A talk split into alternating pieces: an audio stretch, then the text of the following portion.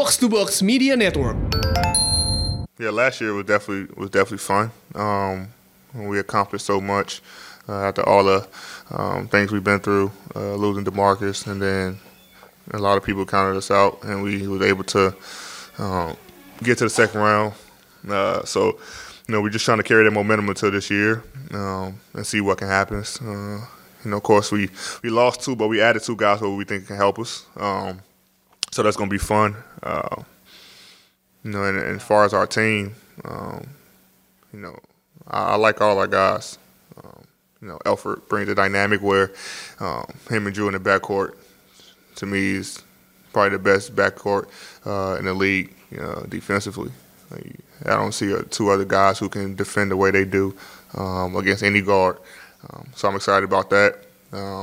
And then just going out there and just like I said, carrying the momentum from last year and and learn from things that we did good and bad and uh, carry into this year um, and try to get even further.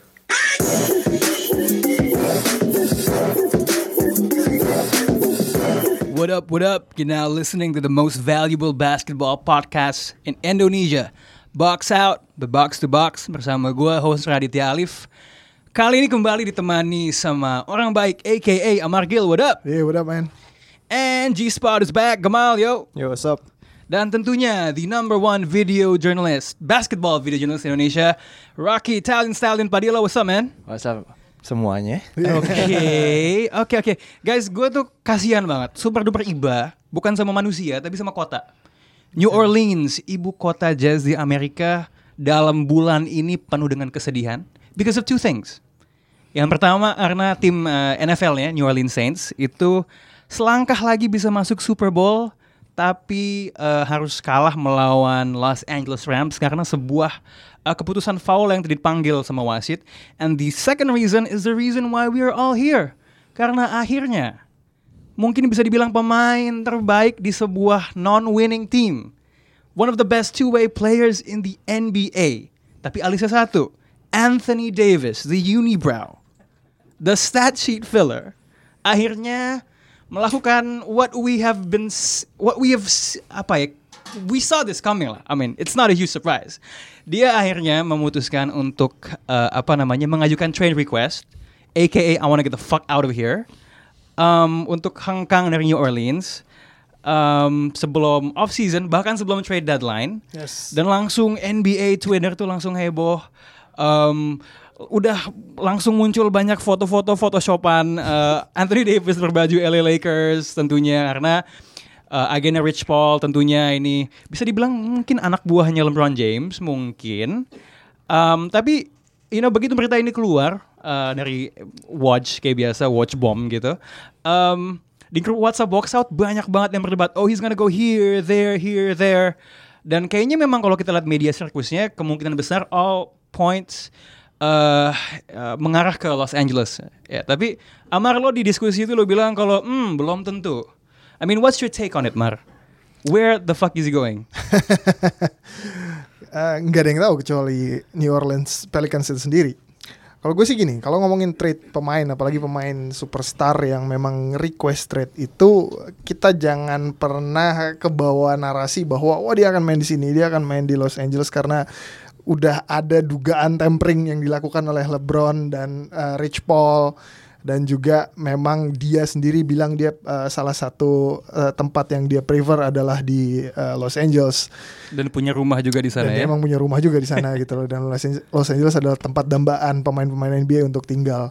Tapi maksud gue yang perlu dipikirkan adalah perspektifnya justru dari si klub karena bisa dibilang ini orang sudah diikat secara kontrak sama uh, klubnya tersebut. Dia kontrak dia sampai 2020 dan gua pasti kalau ngelihat dari perspektif klub gue akan melihat mana yang akan gue dapatkan terbaik dari trade ini gitu loh.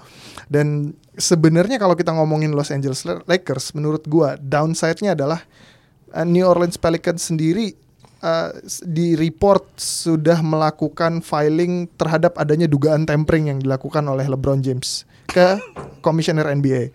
Nah, jadi kenapa harus dia menyerahkan pemain itu ke tim yang memang dia sudah laporkan gitu loh, termasuk ke LeBron James gitu loh. Jadi uh, maksud gue poin gue adalah ini akan balik lagi ke apakah dia akan ditahan sampai dengan uh, akhir musim ini supaya mungkin bisa ada bergaining dengan Danny Ainge. Yang dikabarkan Danny Ainge juga sudah coba mulai melakukan kontak-kontak walaupun dilaporkan bahwa setiap telepon yang ditujukan ke GM-nya Pelicans ini nggak ada yang diangkat katanya. Karena dia males.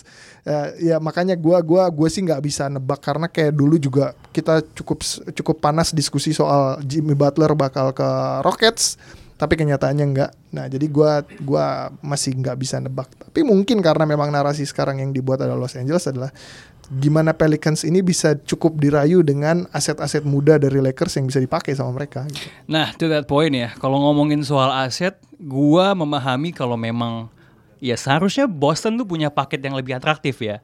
The thing is, uh, mungkin buat teman-teman yang belum tahu adalah Boston cannot trade uh, apa namanya for Anthony Davis karena situasi di mana uh, apa namanya lu nggak boleh punya dua pemain yang terikat Rose rules ya. Uh, pemain yang kontraknya itu uh, semacam rookie extension dulu dari Rose yang pertama mengalami nggak boleh ada dua pemain dalam satu tim dengan kontrak itu. Dan kebetulan Kyrie Irving dan Anthony Davis sama-sama terikat kontrak itu. Yeah. kecuali uh, memang initially memang ada di klub itu. Yes. So the only way uh, Anthony Davis bisa ke Boston and this is not gonna happen adalah kalau misalnya di trade sama Kyrie Irving in before this deadline kecuali nanti di uh, off season. Uh, gue mau lempar ke Rocky ya. Um, again kan klub melihat yang terbaik tapi kalau kalau lo ngelihatnya anginnya tuh mengarah ke mana gitu loh. Karena kalau kalau gue sih the way I see it itu kayaknya Anthony Davis tuh maunya ke Lakers because dia ngeluarin requestnya ini kan dia melakukan apa yang sekarang istilahnya pre-agency kan. Yes. Kayak semusim sebelum uh, lu pin uh, lo masuk ke free agency, lo bilang kalau lo nggak akan extend. Ya, yeah. and from that moment jamnya tuh udah mulai ticking. Cuman uh, dibandingkan kasusnya Kawhi Leonard sama Paul George, he's not doing this in the off season he's doing it actually a little bit earlier di mana situasinya adalah Boston tidak bisa trade for him right now kecuali kayak tadi uh, nge-trade Kyrie Irving. Like where do you see the wind blowing on this one? Enak ya sekarang jadi pemain NBA ya, mereka bisa dikte sendiri. Player power. iya mau ke mana gitu, tapi ini jelas put pressure on Magic Johnson sama Rob, Rob Pelinka ya, karena setelah gagal mendatangkan Paul George, kalau mereka gagal Paul mendatangkan Kawhi, Kawhi ya, kalau mereka gagal mendatangkan Anthony Davis lagi. Gue nggak bisa bayangin LeBron James BT-nya kayak apa sih. Jadi Bas juga ngamuk ya iya hmm. pasti. Karena udah pastilah mereka ini sengaja banget Anthony Davis melakukan ini uh, sebelum trade deadline untuk ngasih waktu untuk Lakers negosiasi uh, mungkin sekarang sisa berapa? 10 9 10, 9 hari 9 mungkin hari mungkin di sana. Jadi udahlah just throw everything aja lah ke New Orleans Pelicans. Mau minta siapa sih? Gue kasih deh. Gue mau minta Oke, okay, on the topic of Lakers ya. Ini kan hmm. kembali ke oke, okay, paket ini bisa apa aja. Nah, yeah. gue pengen nanya ke lo, habis itu lo langsung chime in aja ya. Paket yang menurut lo paling atraktif buat sebuah tim kayak New Orleans dari Lakers tuh ngasih apa aja? Kyle Kuzma udah ada sih. Kuz? Pemain lainnya terserah lo mau masukin siapa, yang pasti harus ada Kyle Kuzma. Because itu yang paling berpotensi di Lakers menurut gue. And of course Lonzo, tapi Lonzo udah announce dia mendingan main di Bulls or somewhere else nggak mau main di Pelicans karena udah ada Drew Holiday. Gam? Kuzma, Ingram. Ingram yang ningkatin rate value-nya kemarin ya, 36 yep. poin tiba-tiba ya. Sama picks lah, gue perlu kalau misalnya gue jadi Orleans, gue bakal rebuild berarti kan. Drew Holiday juga bilang kalau dia 90% ada di situ gara-gara si Anthony Davis. Kalau misalnya Anthony pergi, berarti most likely juga bakal pergi juga kan. Berarti it's full rebuild mode, ya gue perlu picks. Uh, Mark, Lo kayaknya udah banyak ngubek-ngubek ESPN trade machine. ya, ya, lumayan, lumayan. Kalau gue nih, kalau gue, kalau gue sih, kalau gue jadi GM-nya Pelicans ya, atau gue jadi owner ya, gue bilang. Minta semua Zubac, Josh Hart. gue, gue akan bilang gini. Ini anak minta trade. Salah satunya gara-gara klub anjing satu ini. Kita nge-trade ke siapa pun kecuali Lakers. Gue akan bilang kayak gitu. Kita nge-trade sama Chicago, gue bisa dapat Laurie Markkinen, gue dapat uh, Wendell Carter sama uh, right picksnya mereka untuk di tahun depan yang mudah-mudahan mungkin bisa jadi Zion Williamson. Hmm, that's a nice offer there.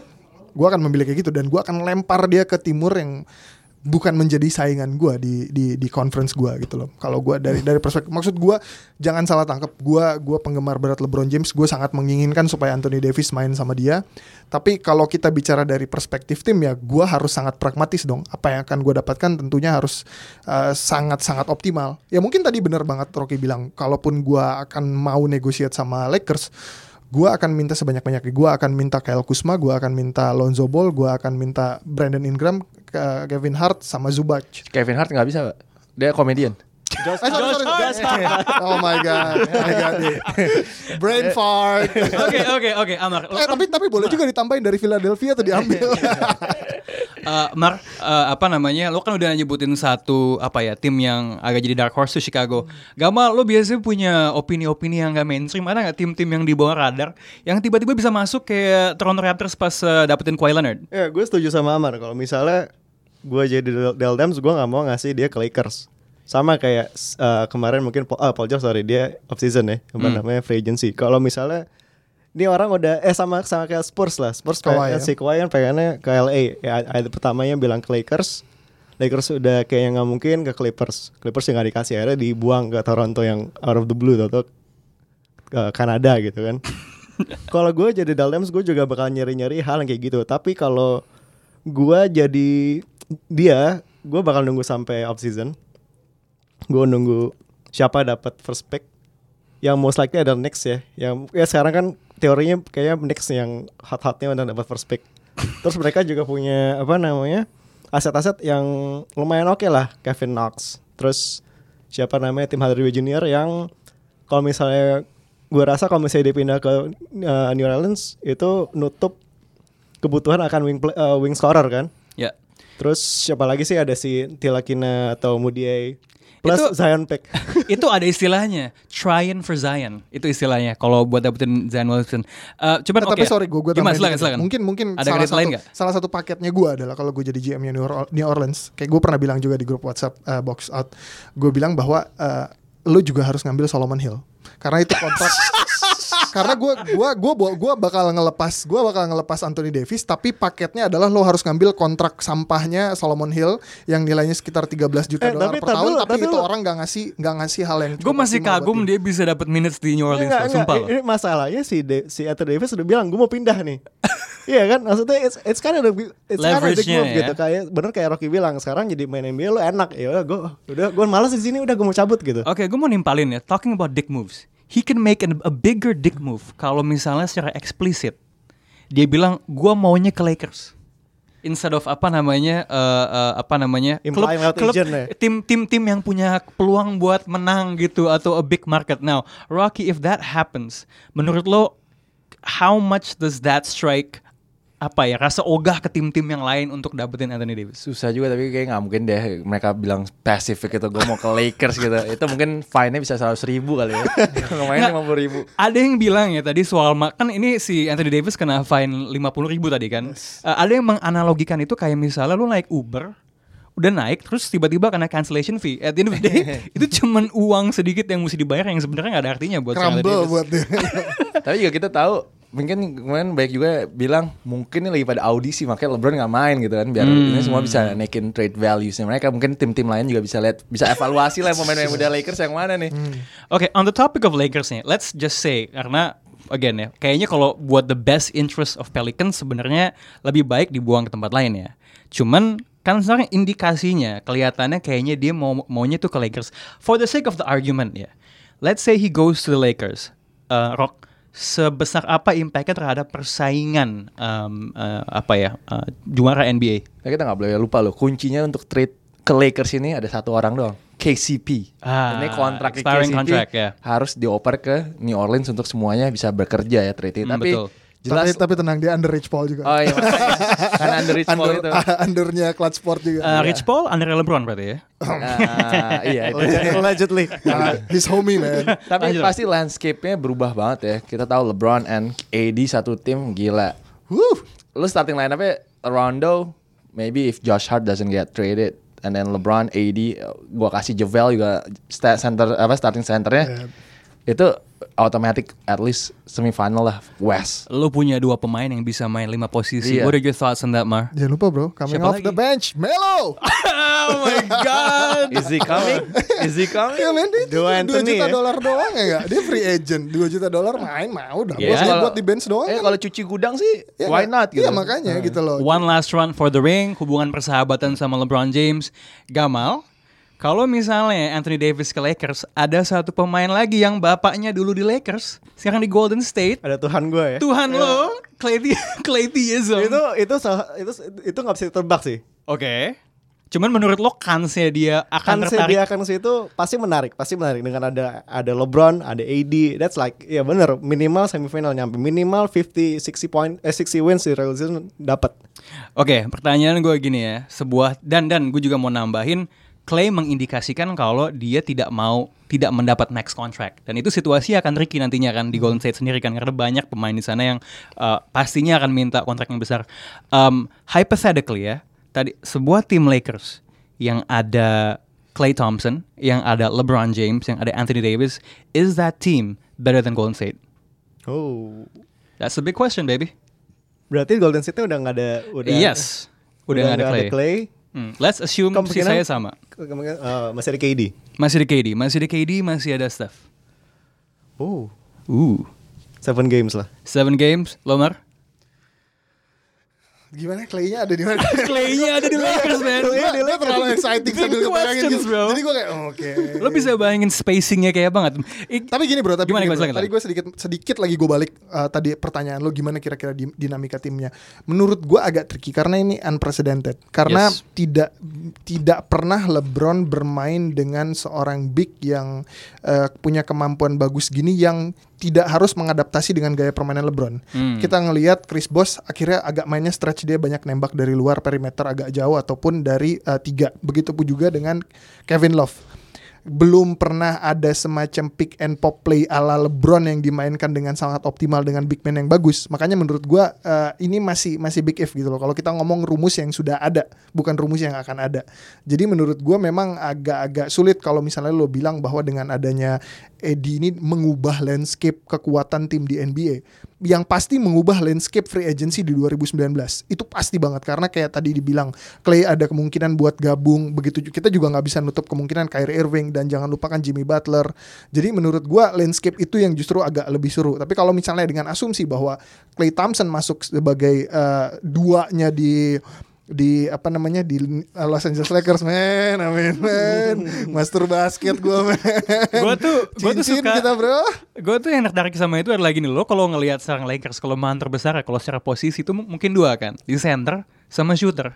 And then you upgrade that by getting potentially. Walaupun mungkin An- Anthony Davis lebih suka dibilang dia ngakunya main di empat gitu kan, forward, power forward gitu kan. And you get probably the best. Nah, bukan probably lah, the best catch and shoot player di di NBA, Klay Thompson. I just wanna know what kind of spaces open up. The last question gue balikin ke lo sih. Lo just building uh, upon your point tadi ya. Um, lo selalu bilang kalau LeBron James is the system. yes Nah, ketika ketemu sama pemain seperti Anthony Davis, I mean look, LeBron is a highly intelligent player gitu loh. Dan menurut gua dia tahu gimana sebenarnya oke harus how can he use the team most effectively? Akankah ada kemungkinan justru untuk pertama kalinya LeBron yang lebih melakukan adaptasi? Gua rasa forward? gua rasa akan ada kemungkinan itu karena gini gue yakin kalau dengan adanya kehadiran seorang Anthony Davis justru LeBron akan percaya diri untuk passing the torch eventually dia akan melakukan itu father's time coming. Dan dan eh, apa yang akan dia lakukan justru dia akan coba mulai makin menyesuaikan dengan gaya permainan eh, Anthony Davis. Jadinya menurut gue dia orang seintelligence dia pasti akan berusaha untuk eh, menyesuaikan. Tapi memang itu tidak akan mudah nggak akan kita bisa lihat dengan instan. Kayak kita ngelihat di awal musim kemarin aja kita lihat gimana LeBron berusaha untuk tidak menjadi LeBron nggak terlalu banyak melakukan penetrasi dia nggak terlalu banyak pegang bola coba waktu itu banyaknya dikasihnya ke Rondo karena waktu itu si Lonzo Ball belum jadi starting juga dan ternyata nggak terlalu efektif gitu loh makanya menurut gua kemungkinan itu akan ada tapi it takes time Satu hal yang menarik kalau kita lihat LeBron James musim ini adalah three point shootingnya jauh lebih bagus. Is that a hint of uh, things to come going forward? We'll see. I want one final say on the matter. Uh, singkat, padat aja. Lo bilang where is uh, Anthony Davis going and when? Rocky? Lakers one day before trade deadline. Maybe at the trade deadline. Oh, okay. Gamal, do not play it safe, bro. The next, the next, the next, and Katie gonna come too, and Kyrie. And Zion? Oh nggak, Zion tukar justru. Tukar, tukar, Yeah, tukar, okay. tukar, tukar. Oke, bro. He's not going anywhere until this season ends. Oke, dan setelahnya ke mana? Probably Celtics. Oke, I like it. We have three different answers. Ini topik yang diomongin sama semua orang. Di segmen kedua kita punya tamu istimewa ngomongin topik yang enggak diomongin sama siapa pun. We'll be back.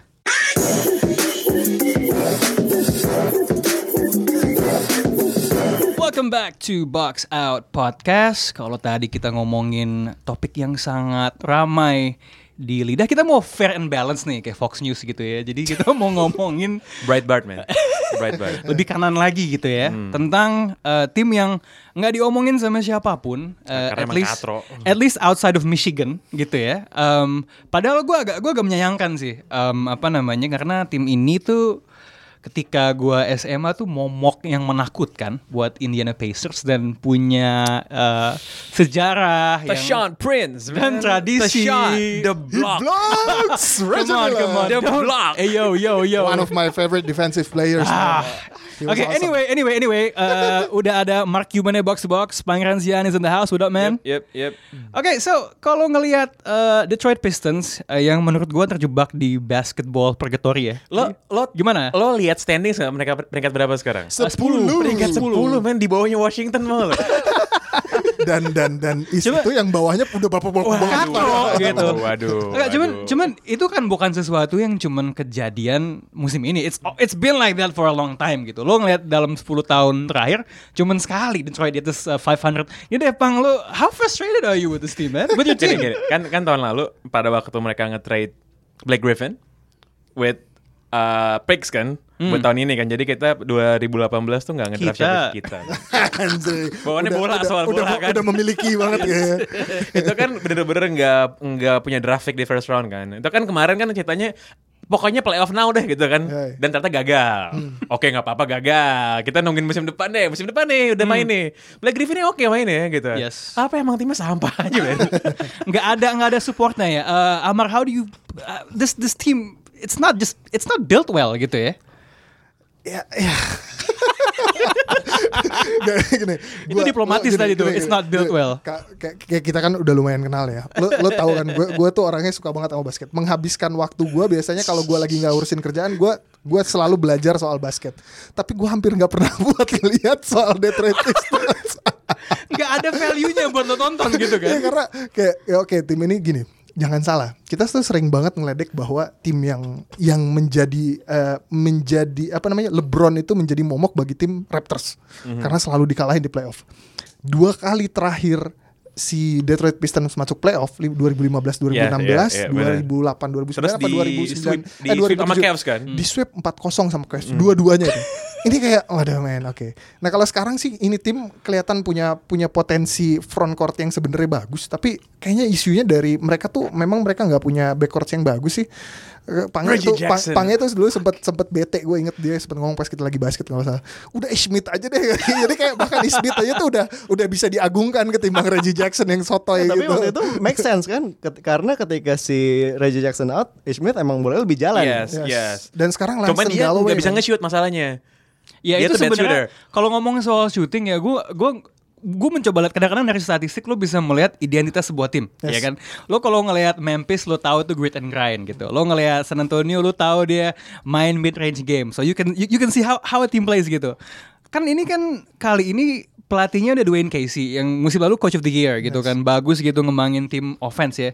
Tapi offense stagnan. Gue ngelihat tim ini kesembilan paling banyak ambil three point tapi stats three pointnya tuh yang paling bapuk Nah itu kan sebenarnya Emang emang katro banget gitu loh. template-nya si Stan Van Gundy man. Di big man kelilingin sama shooter ya. Yes, yes. Masalah shooternya juga sapar semua, Bapuk bapuk gitu. banget. Sebenarnya sebelum mereka ngedraft si Black Griffin ya, mereka punya Tobias Harris yang pas pindah Clippers dia jadi jago ternyata gitu ya. Jadi jago. Tapi emang udah jago. Menurut gue ya, menurut gue iya. waktu di Detroit juga dia Cuman dia nggak punya nggak punya ini aja sih, nggak punya tandem aja sih. Menurut gue sih dia oke lah buat. Oke oke banget oke banget. Cuma kan akhirnya dia di trade sama Avery Bradley yang ternyata failed kan. Hmm. Itu kan kata the best defensive player bla bla bla bla bla.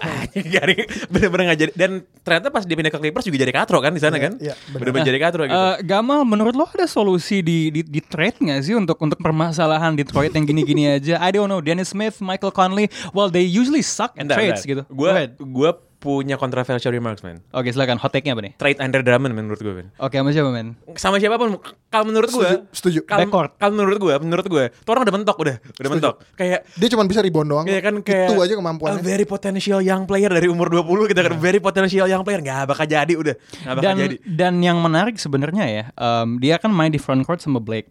Statistiknya is not turun dibandingin musim eh, musim sebelumnya ya.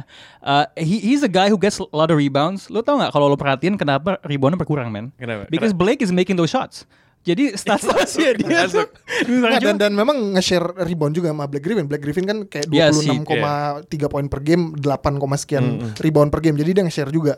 Dan emang ya itu memang ada efektivitas lebih dari seorang Black Nah, Griffin yang tau gak sebelum musim ini mulai si Andre Drummond tuh kerjaannya ngepost di sosial media ya di Instagram dan di Twitter dia lagi three point shooting drill man. eh, video off season selalu menipu, Bang. Iya, iya, iya kan, iya kan, iya kan. Iya, tahu gue. Cuman kalau karena itu yang bikin Andre Drummond gitu kan, oke, this is big, this is big man. Pas udah mulai nggak juga. Markel juga. Fultz juga kemarin kayak gitu sih.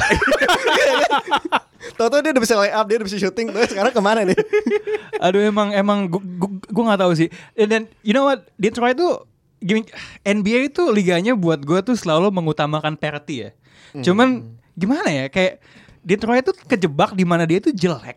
Tapi bukan jelek yang paling Bukan yang paling jelek. bapuk. Nggak An- bisa tanking juga Nggak bisa tanking. Eh, dan musim ini kalau dia tanking juga akan kalah sama tim-tim yang udah main bapuk. nanggung. Dan yang menarik ya kalau lo ngelihat sejarah draft mereka, they Nggak usah suck. diomongin men kalau Drummond. They suck. Men.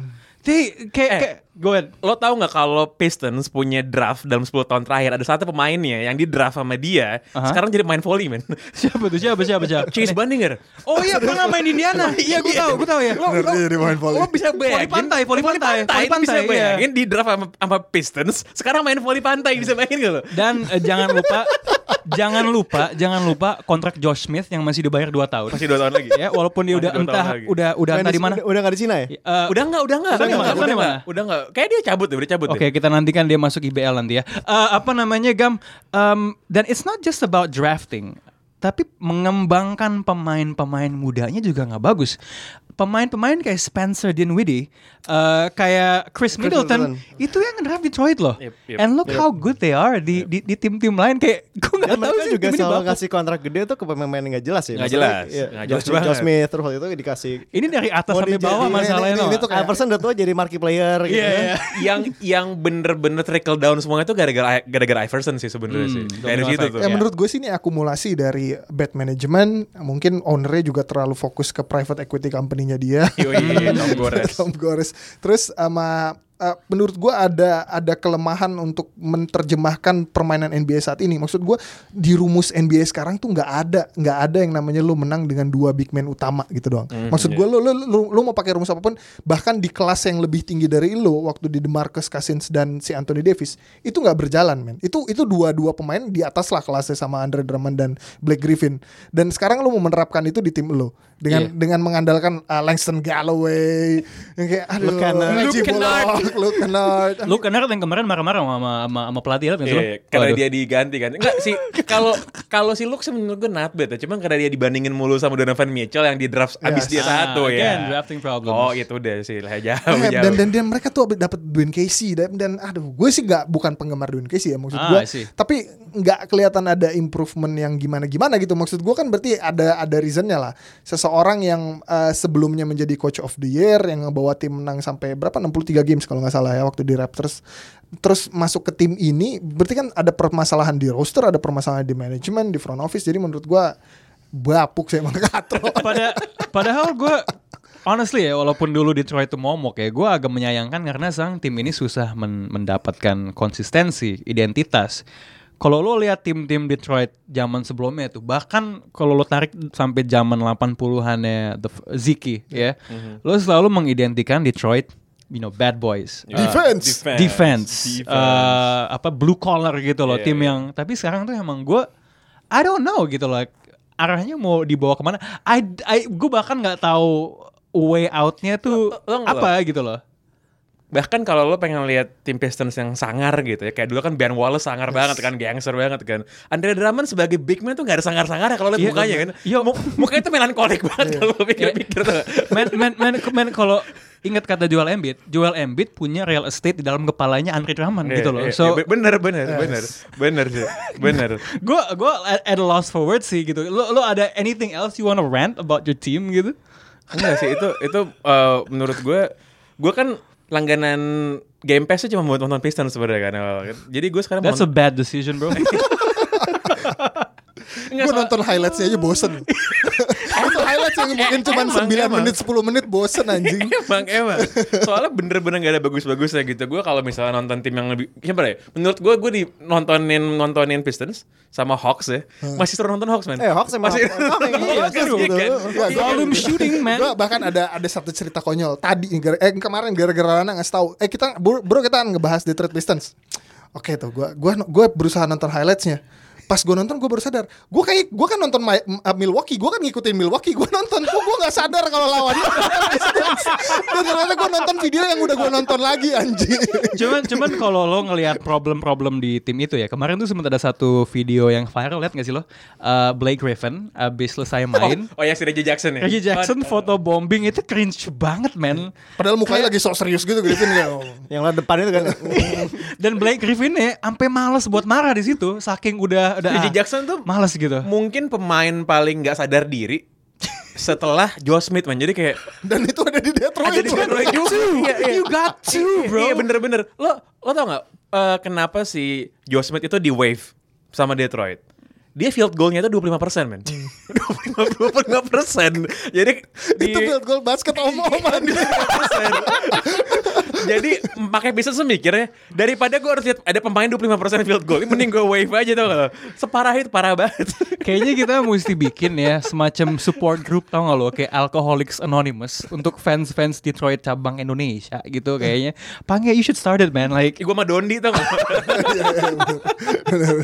ya Tapi hebatnya mereka ma- Ya, masih silakan. berapa tahun lalu tuh yang bikin stadion baru tuh kan. Ah. Dan- Baru 2 tahun bukan ya? Baru dua tahun, Baru baru, dua dua tahun, kan? Nah di kan pas tahun kemarin itu sepi karena stadionnya di tengah kota ya. Sebelumnya kan di pinggir kota, Auburn Hills tuh di pinggir kota gitu di suburb.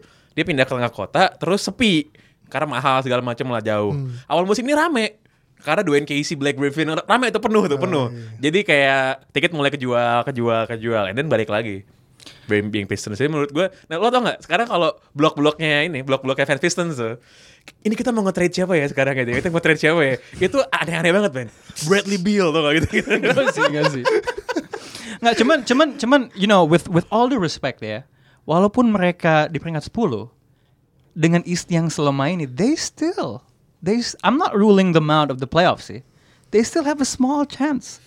Dengan Isa- melihat tim-tim di bawah. Karena se- sekatro itu Sekatro itu Cuman saking katronya Black Griffin tuh menurut gue bakal all-star Ben Ah iya, Bakal all-star. Nggak, tapi nggak kalau kalau dari statsnya emang menurut gue Kalau kalau menurut gue itu lucunya sekarang tuh gini kayak kalau di West kita ngomong satu tuh kayaknya udah ngelok tuh Golden Ya. State. Sisanya semua tuh berantemnya benar-benar ketat. Kalau di kalau di East tuh justru kebalikannya.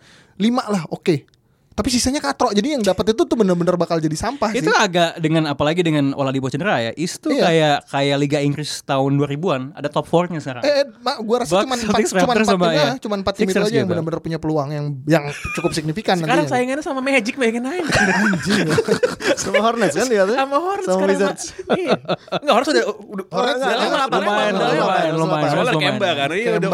Hornets, Hornets sama si Miami itu dua-duanya masih sub 500. masih sebenarnya bisa- yang ya sebenarnya yang menarik persaingan dengan Heat sama Wizards. Heat gini, ba- ki- kita banyak ngomong tentang bagaimana Pistons tuh punya masalah di point guard ya. Ini bukti betapa menyedihkannya mereka ya. Padahal mereka punya Calderon sama Reggie Jackson. Miami Heat nggak punya point guard yang bener. Posisi di atas mereka. Dia punya Justice Winslow, man. Point point Justice Winslow Eh, jadi point guard, bro. weh. Lebih mending lo gak punya point guard dibanding Calderon jadi point guard lo. Calderon so, so slow tau gak lo? Dia umur berapa sih sekarang? Tiga tujuh kalau nggak salah. Cuman he's one of the richest NBA player. Yes, karena dia Iya, karena dia punya- Karena dia punya startup.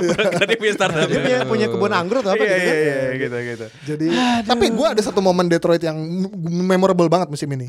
Waktu yang lawan Raptors yang Reggie Bullock yang Oh, iya, iya, terakhir iya, itu iya. Dwayne Casey senengnya Dwayne setengah Casey mati. langsung dikerubungin Itu pemainnya dia- kan, iya, dia, dia iya, happy iya. banget itu Iya, kayak. iya. Itu menurut gue Ya, memorable lah. sama sama ini. mungkin satu uh, highlight lain tuh actually ketika Steve lawan Ballmer Sixers. sekali.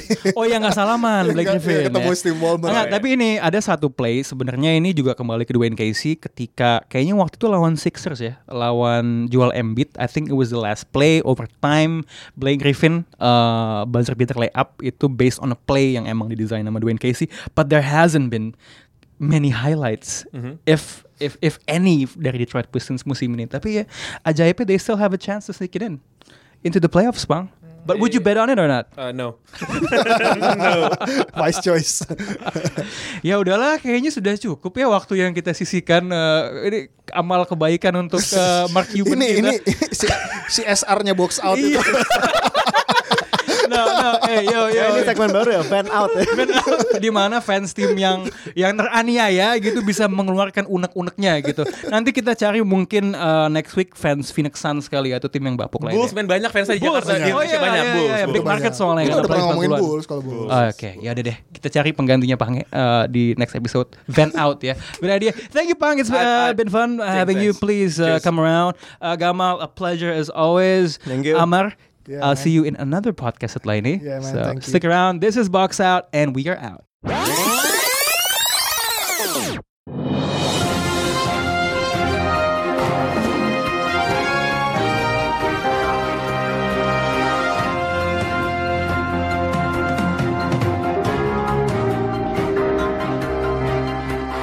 Beberapa jam setelah episode Box Out ini selesai direkam, New York Knicks sepakat dengan Dallas Mavericks untuk mentrade Kristaps Porzingis, Courtney Lee, Tim Hardaway Jr. untuk Wesley Matthews, Dennis Smith Jr., DeAndre Jordan, dan dua draft pick.